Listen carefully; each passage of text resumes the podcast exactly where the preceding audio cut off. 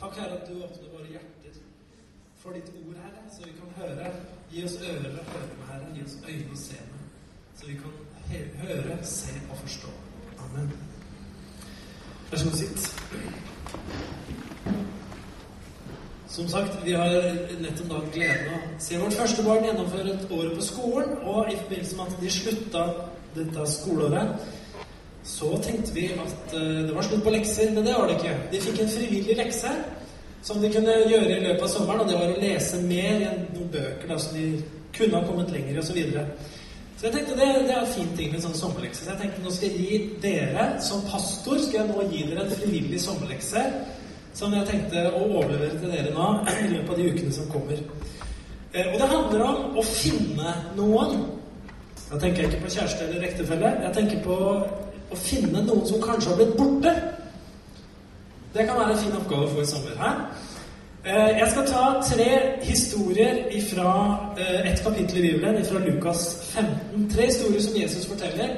Og som jeg tenker at når Jesus forteller noen lignelser eller historier, så er det liksom ikke sånn ja, jeg tar sånn tilfeldige historier. Jeg tror at de historiene og de lignelsene Jesus fortalte, de ble fortalt fordi de skulle, de skulle stå der for all framtid, og de skulle lære oss noe, de skulle fortelle oss noe. Det var noe vi skulle leve ut ifra, de historiene.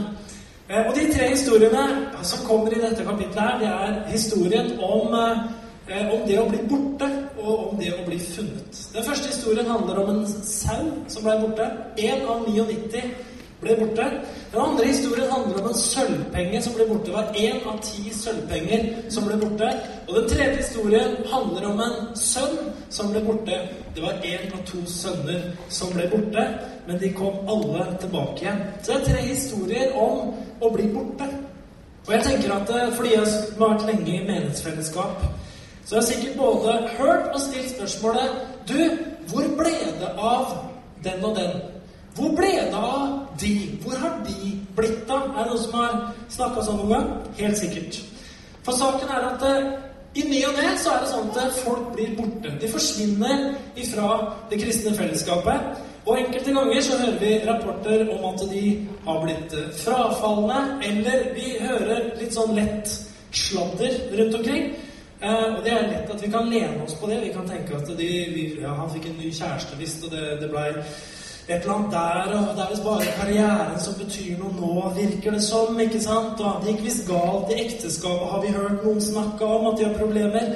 Eller det er visst veldig mye Syden å leve livet der. Jeg vet ikke om noen har hørt noen sånne type måter å snakke på. Så de har nå blitt borte på en eller annen måte, da. Så kan vi bli litt sånn baksnakkete, egentlig, og bare hørt noe og hørt noe, så snakker vi litt videre på den måten der. Eh, når folk blir borte så er det faktisk ikke så rent sjelden at de etter hvert ofte har lyst til å komme tilbake. lyst til å komme hjem igjen. Og en av de historiene er også en sterk fortelling om det. Katrin snakka med ei dame for uh, ikke så veldig lenge siden. Hun hadde vært aktiv i menighetsfellesskap tidligere. Så hadde det skjedd ting i livet som ikke jeg skal sladre om her. Det hadde skjedd ting i livet som, som var reelt vanskelige ting, tøffe ting. Og så hadde hun bare blitt borte ifra fellesskapet. Og så hadde hun nå hadde det gått lang tid. Hun hadde egentlig lyst til å komme tilbake i fellesskapet. Men så var det at hun tenkte Hva vil de da si? Hva vil de da tro når jeg kommer tilbake? Hva vil folk tenke om meg? Hvor ille er det egentlig at jeg har vært borte så lenge som jeg har vært? Og så, videre. og så rører det mange, sånne, mange sånne tanker oppi hodet som gjør at det blir en, et veldig gap å komme tilbake. I disse historiene så, så, tenker jeg Jesus han har noe han har lyst til å, å, lære oss. Vi skal se litt på de historiene. Vi begynner med den første. Eh, det var om sauen som ble borte og ble funnet igjen. Det står i Lukas 15, vers 4-7. Og vi skal lese, lese noen av de versene der. Står det Dersom en av dere eier 100 sauer og mister en av dem, lar han ikke da de 99 være igjen ute i ødemarken og leter etter den som er kommet bort? Til han finner den. Og når han har funnet den, blir han glad og legger den på skuldrene sine.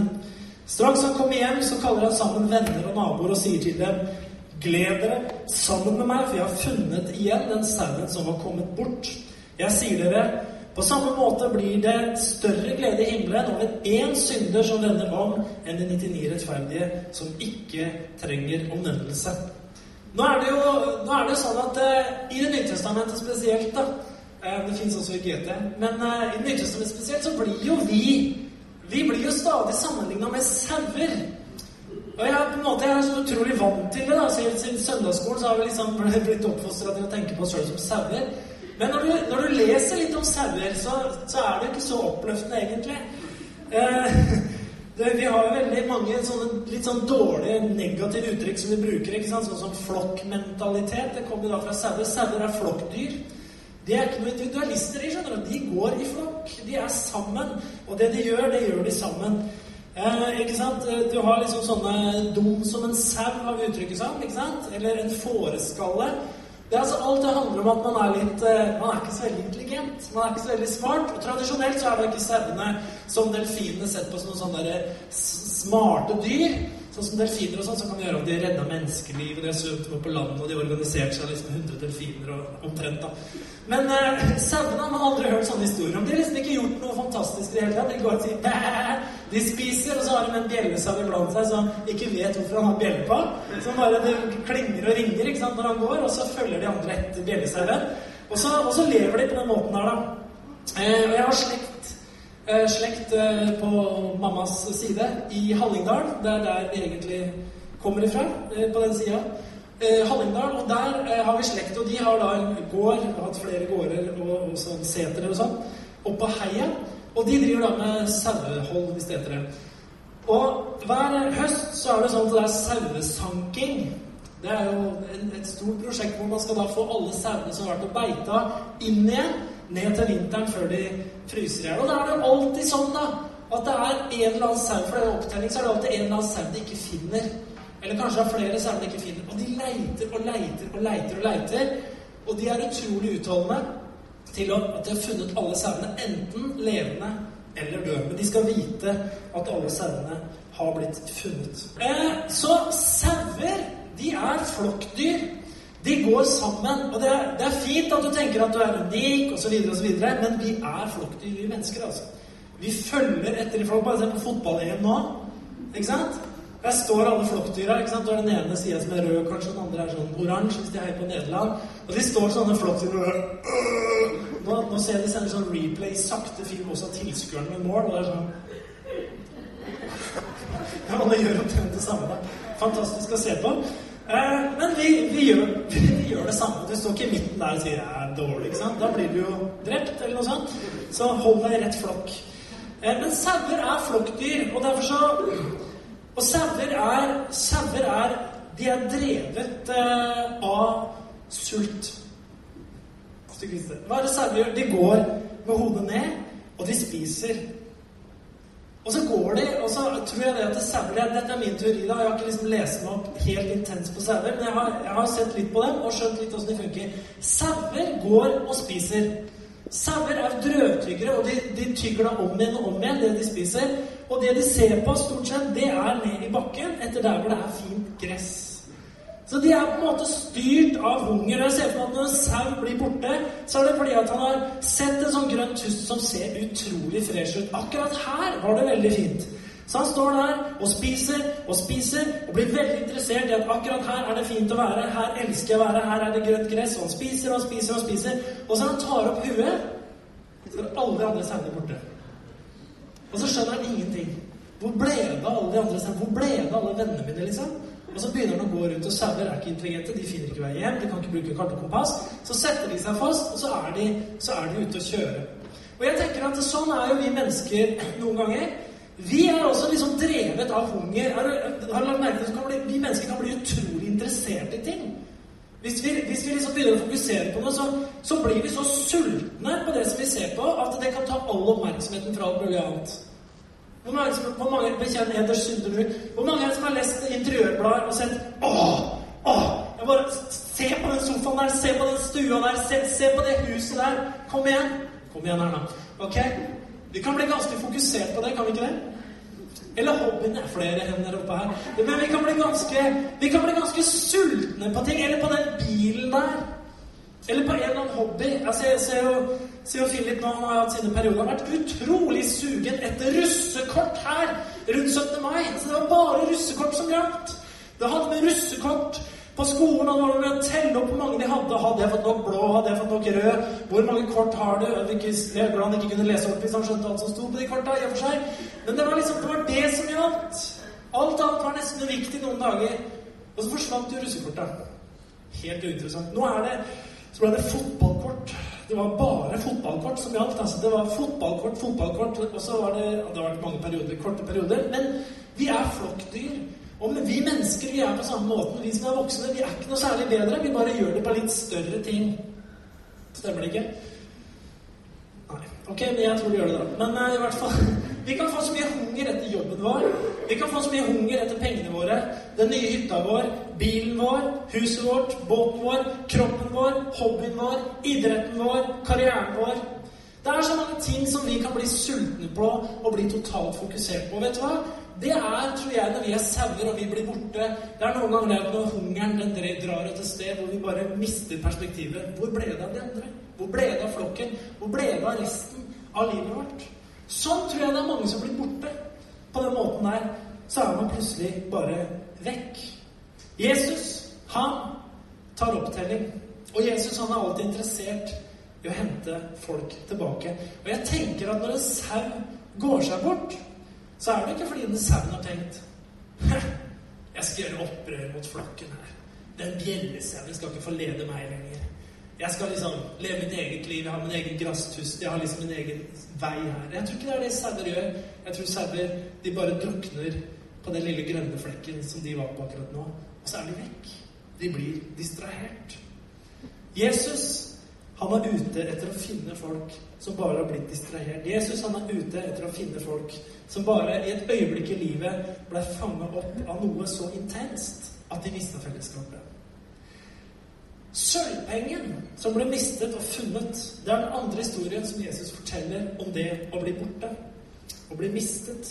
Han forteller fra vers 8 til 10 så skriver han Eller om en kvinne har ti sølvmynter og mister én Tenner hun ikke da lampe og feier i hele huset og leter nøye til hun finner den? Og når hun har funnet den, kaller hun sammen venninner og nabokoner og sier Gled dere for meg, for jeg har funnet igjen det pengestykket jeg hadde mistet. På samme måte sier jeg dere, blir det, blir det glede blant Guds engler over én synder som vender om. Jeg prøvde å se for meg hvis en av dere damene som uh, liksom går med tusenlapper i lomma, hadde mista en tusenlapp hjemme. Og den var helt borte, og du hadde feia og, og støvsugd Eller det er litt farlig, forresten, en tusenlapp. Det kan du forsvinne. Du hadde feia og leita overalt. Og så hadde du funnet den tusenlappen. Og så lurer jeg på Hadde du da invitert alle nabokonene for å feire det? Du hadde ikke det? Hvor mye må man miste før man gjør det? 100 000? 100 000 kanskje hadde bedt inn naboen på en kaffe der? sagt jeg mista 100 000. Bare helt datt ut av lomma. Altså. Herlig. Jeg bare prøver å liksom se for meg historien. Jeg syns det er spennende. Men hun mister en sølvpenge, da. Den er tydeligvis mye verdt. Jeg prøvde å lese meg på sølvpenger, og det finnes mange ulike typer sølvpenger, så jeg er litt usikker på hva slags sølvpenge det er snakk om her. Men sannsynligvis var dette en sølvpenge som var veldig mye verdt. Og jeg tenker Når du har en så stor verdi, noe som er så verdifullt, så er det noe som du har ansvar for å ta vare på. La oss si at det var 100 000 kroner, da. I bunter, ti sånne bunter på 100 000 kroner. Som du da eh, hadde og skulle ta vare på. Altså Det ville vært noe du hadde liksom sjekka litt oftere. Jeg vet ikke om du har vært ute og reist og du liksom vet at du må ha med deg passet.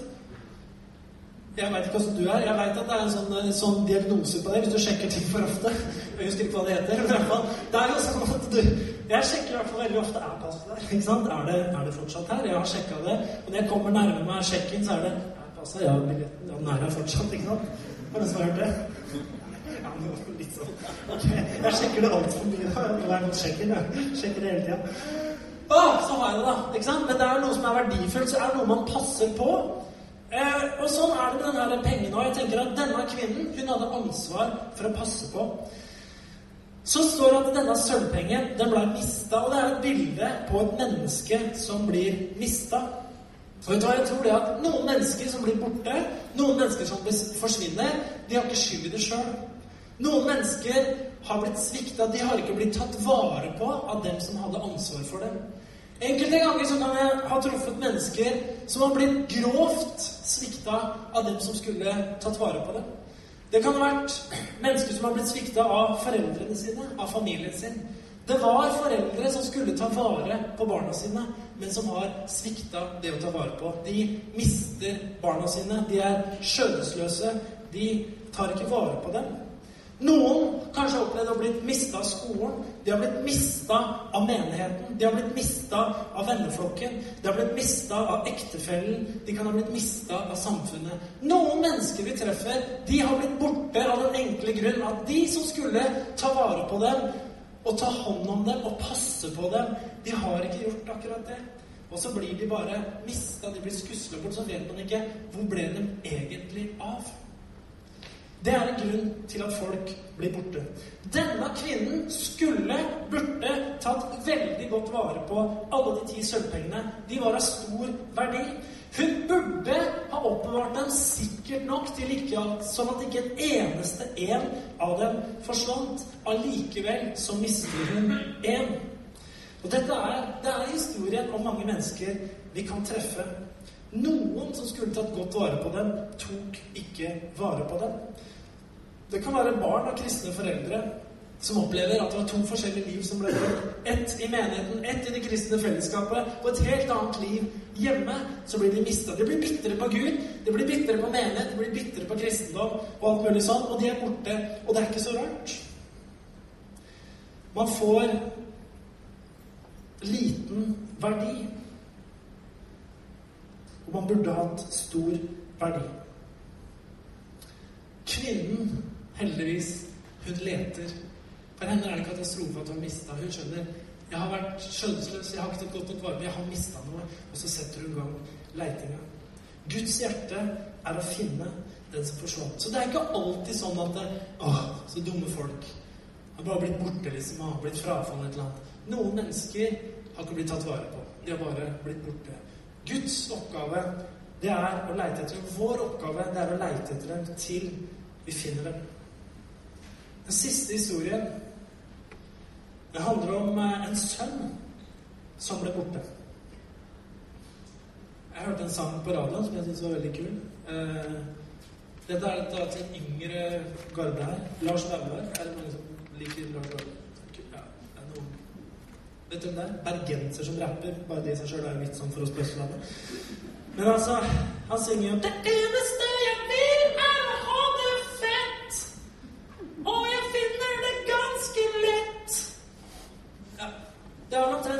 han sønnen hadde. Det eneste han ville, det var å ha det fett. Han hadde det ikke så fett akkurat når vi kommer inn i historien i Lukas 15. For det står ifra vers 11 til 20 at en mann hadde to sønner. Den yngste sa til faren, 'Far, gi meg den delen av formuen som faller på meg.' Han skiftet da sin eiendom mellom dem, og ikke mange dager etter solgte den yngste sønnen alt sitt og dro til et langt land, land langt borte. Der sløste han bort formen sin i et vilt liv. Og da han satt alt over styr, kom det svær hungersnød over landet. Han begynte å lide nød.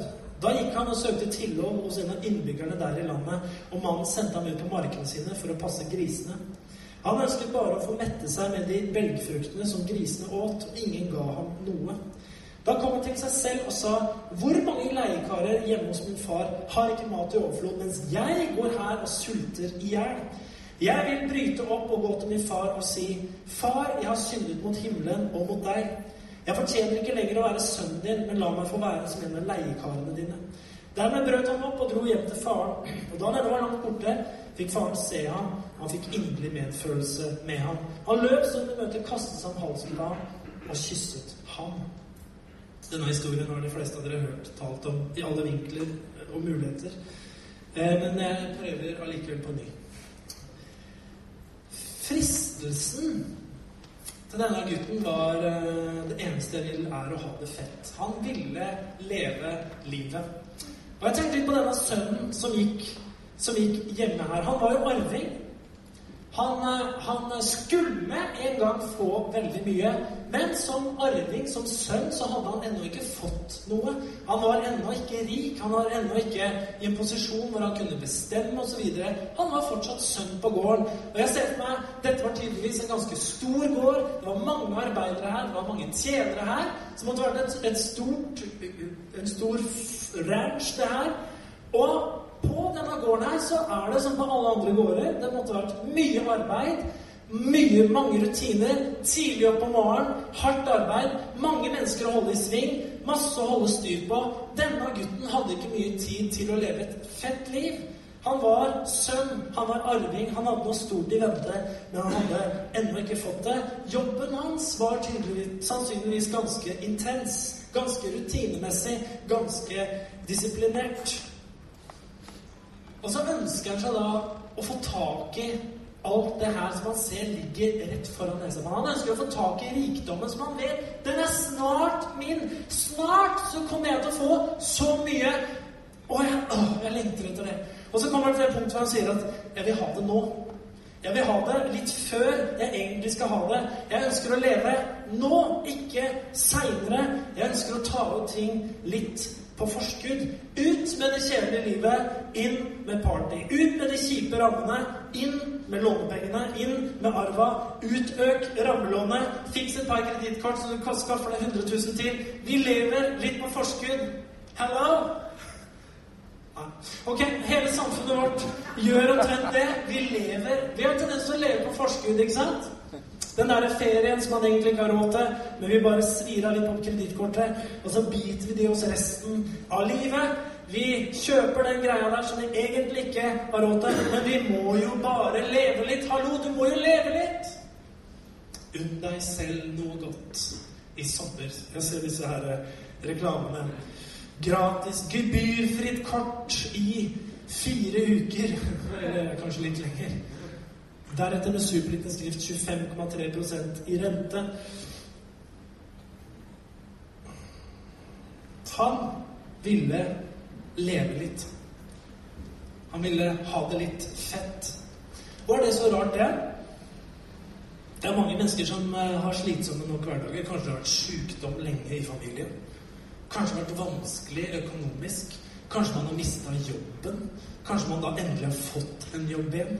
Kanskje det har gått i stykker i ekteskapet. Kanskje det er noe som er problematisk med barna. Kanskje det er noe som er problematisk med venner. Det kan være det hele tatt mange ting som gjør at livet er alt annet enn et party. Du har sikkert truffet mange mennesker som har vært lenge i situasjoner hvor livet er alt annet enn et party. Og da kommer det noen og sier nå er det sannelig på tide å leve litt. Hva er det ikke det, da? Jo, det kan det være, men det er ikke, det er ikke alltid Dessverre, altså. Men det er ikke alltid like smart. Beklager. That's life. Og denne gutten her, han måtte bare ut og leve litt. Hva han gjør? Han får masse eiendeler. Han sier han solgte alt det som han fikk. Han solgte bare alle han skulle ha cash. Og så reiser han ut. Og så har han det bare utrolig fett. Rett og slett, Han har det helt supert. Det er masse folk, det er masse venner, det er masse cashflow, det er masse ting som skjer. Utrolig bra. Og så mister han egentlig kontakten med virkeligheten. Og så en dag så er allting slutt. Så er allting over. Lommeboka er tom. Så kommer han til seg selv, og så vender han blikket hjemover igjen. Og han begynner han begynner å bli takknemlig for det som han en gang hadde. Det som han ikke var takknemlig for når han var der, begynner han å tenke på det var egentlig ganske bra. Til og med tjenerne hjemme hos min far har det bedre enn jeg har det nå. Og så kommer han til den dagen hvor han snur blikket hjem og begynner å gå hjem igjen. Og der står pappa. Han har vært ute hver dag og speilet. Han har vært ute hver dag og sett etter om sønnen ville komme hjem igjen. Og det er Guds hjerte. Han er alltid der hvor han ønsker å ta opp mennesker tilbake igjen. Det kan være mange grunner til at folk blir borte. Borte fra det stedet hvor de hører hjemme. Borte fra den flokken hvor de hører hjemme. Det kan være hunger. Det kan være at man blir så opptatt av noe i livet. Man blir så fascinert av noe i livet der og da at man bare blir borte fra flokken. Det er ikke noe unaturlig. Hvorfor er det Jesus forteller alle disse historiene om å bli borte? Fordi det er ikke så rart at vi mennesker blir borte. Det er veldig vanlig at vi kan bli borte. Vi er kapable til å bli mista. Det er derfor Jesus forteller disse historiene. Vi kan bli drevet av hungeren vår. Vi burde vært i en flokk, men vi blir borte for vår interesse for ett område, en ting. Det drar oss av gårde fra flokken. Det kan også være at man blir borte fordi man blir mista langs veien. Fordi at noen som skulle tatt vare på deg, ikke tok vare på deg. Og så blir du rett og slett svikta. Du blir borte. Du blir mista. Eller det er som denne gutten her.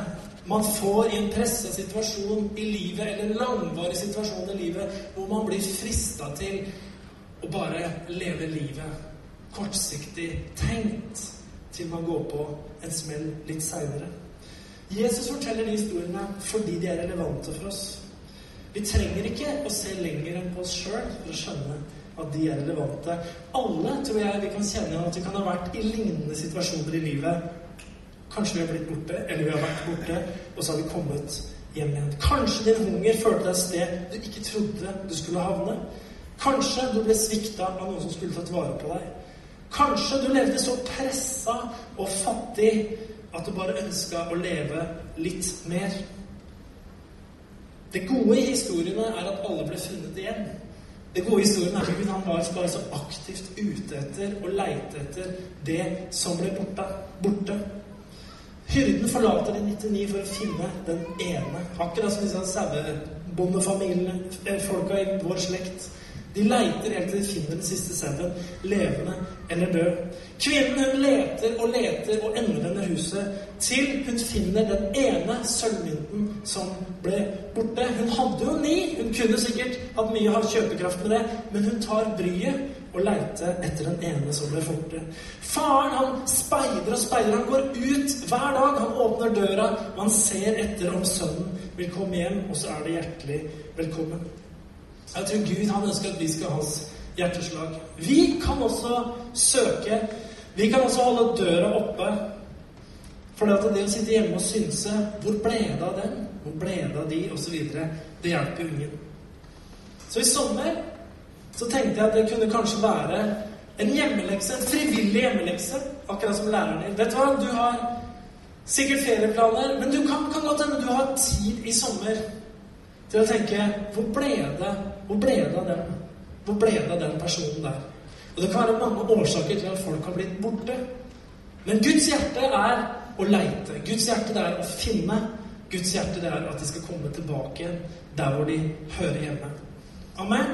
Er det en hjemmelekse du kan ta med deg? Om alle vi som er her, hadde leita etter én eller to, invitert noen, tatt kontakt med noen som vi tenker 'Hvor ble det av dem?' så kunne vi kanskje leita opp mange i sommer som enten har blitt tatt av gårde et sted, kanskje de har blitt svikta, kanskje de bare hadde lyst til å leve litt, og så blei det ikke sånn som de tenkte.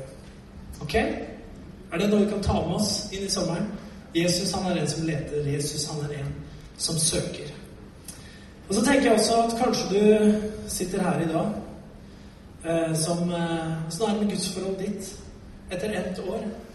Hvor er du i livet ditt? Er du hjemme hos Gud? Ja, men jeg er jo frelst. Ja, men er du, er du, er du hjemme hos Gud? Er du, er du nær til Gud? Lever du med lidenskap for Han? Har du et liv som liksom bare pulserer for å leve hjemme hos Gud og ta del i det husholdet til Gud? Det er et annet spørsmål. Det er så mange ting som kan dra oss av gårde. Jeg syns kanskje lovsangsteamet kan komme opp, og skal vi bare ta litt, litt tid sammen. Vi, vi tar oss og reiser oss, og så skal vi ta oss og be litt. Og mens vi, mens vi står her, så skal vi ta oss og be for og be generelt for folk som kanskje har blitt borte av mange forskjellige årsaker. Og Gud han er jo ikke det kjente. vet du, Hvis du har lest disse historiene noen ganger, så er det ikke, så er det ikke sånn at når man tar kontakt med noen som har blitt borte, eller har funnet noen som er borte, så er det liksom sånn at Å, så dum du var som ble borte, ikke sant? Det er jo ikke sånn. Jeg veit disse sauebøndene de er jo så glad når de finner den siste sauen som ble borte. Det er ikke sånn derre Å, så kunne gå deg bort ikke sant, oppi fjellet her, og forfulgte ikke bjellestauen, ikke sant. Og de sier jo ikke sånn.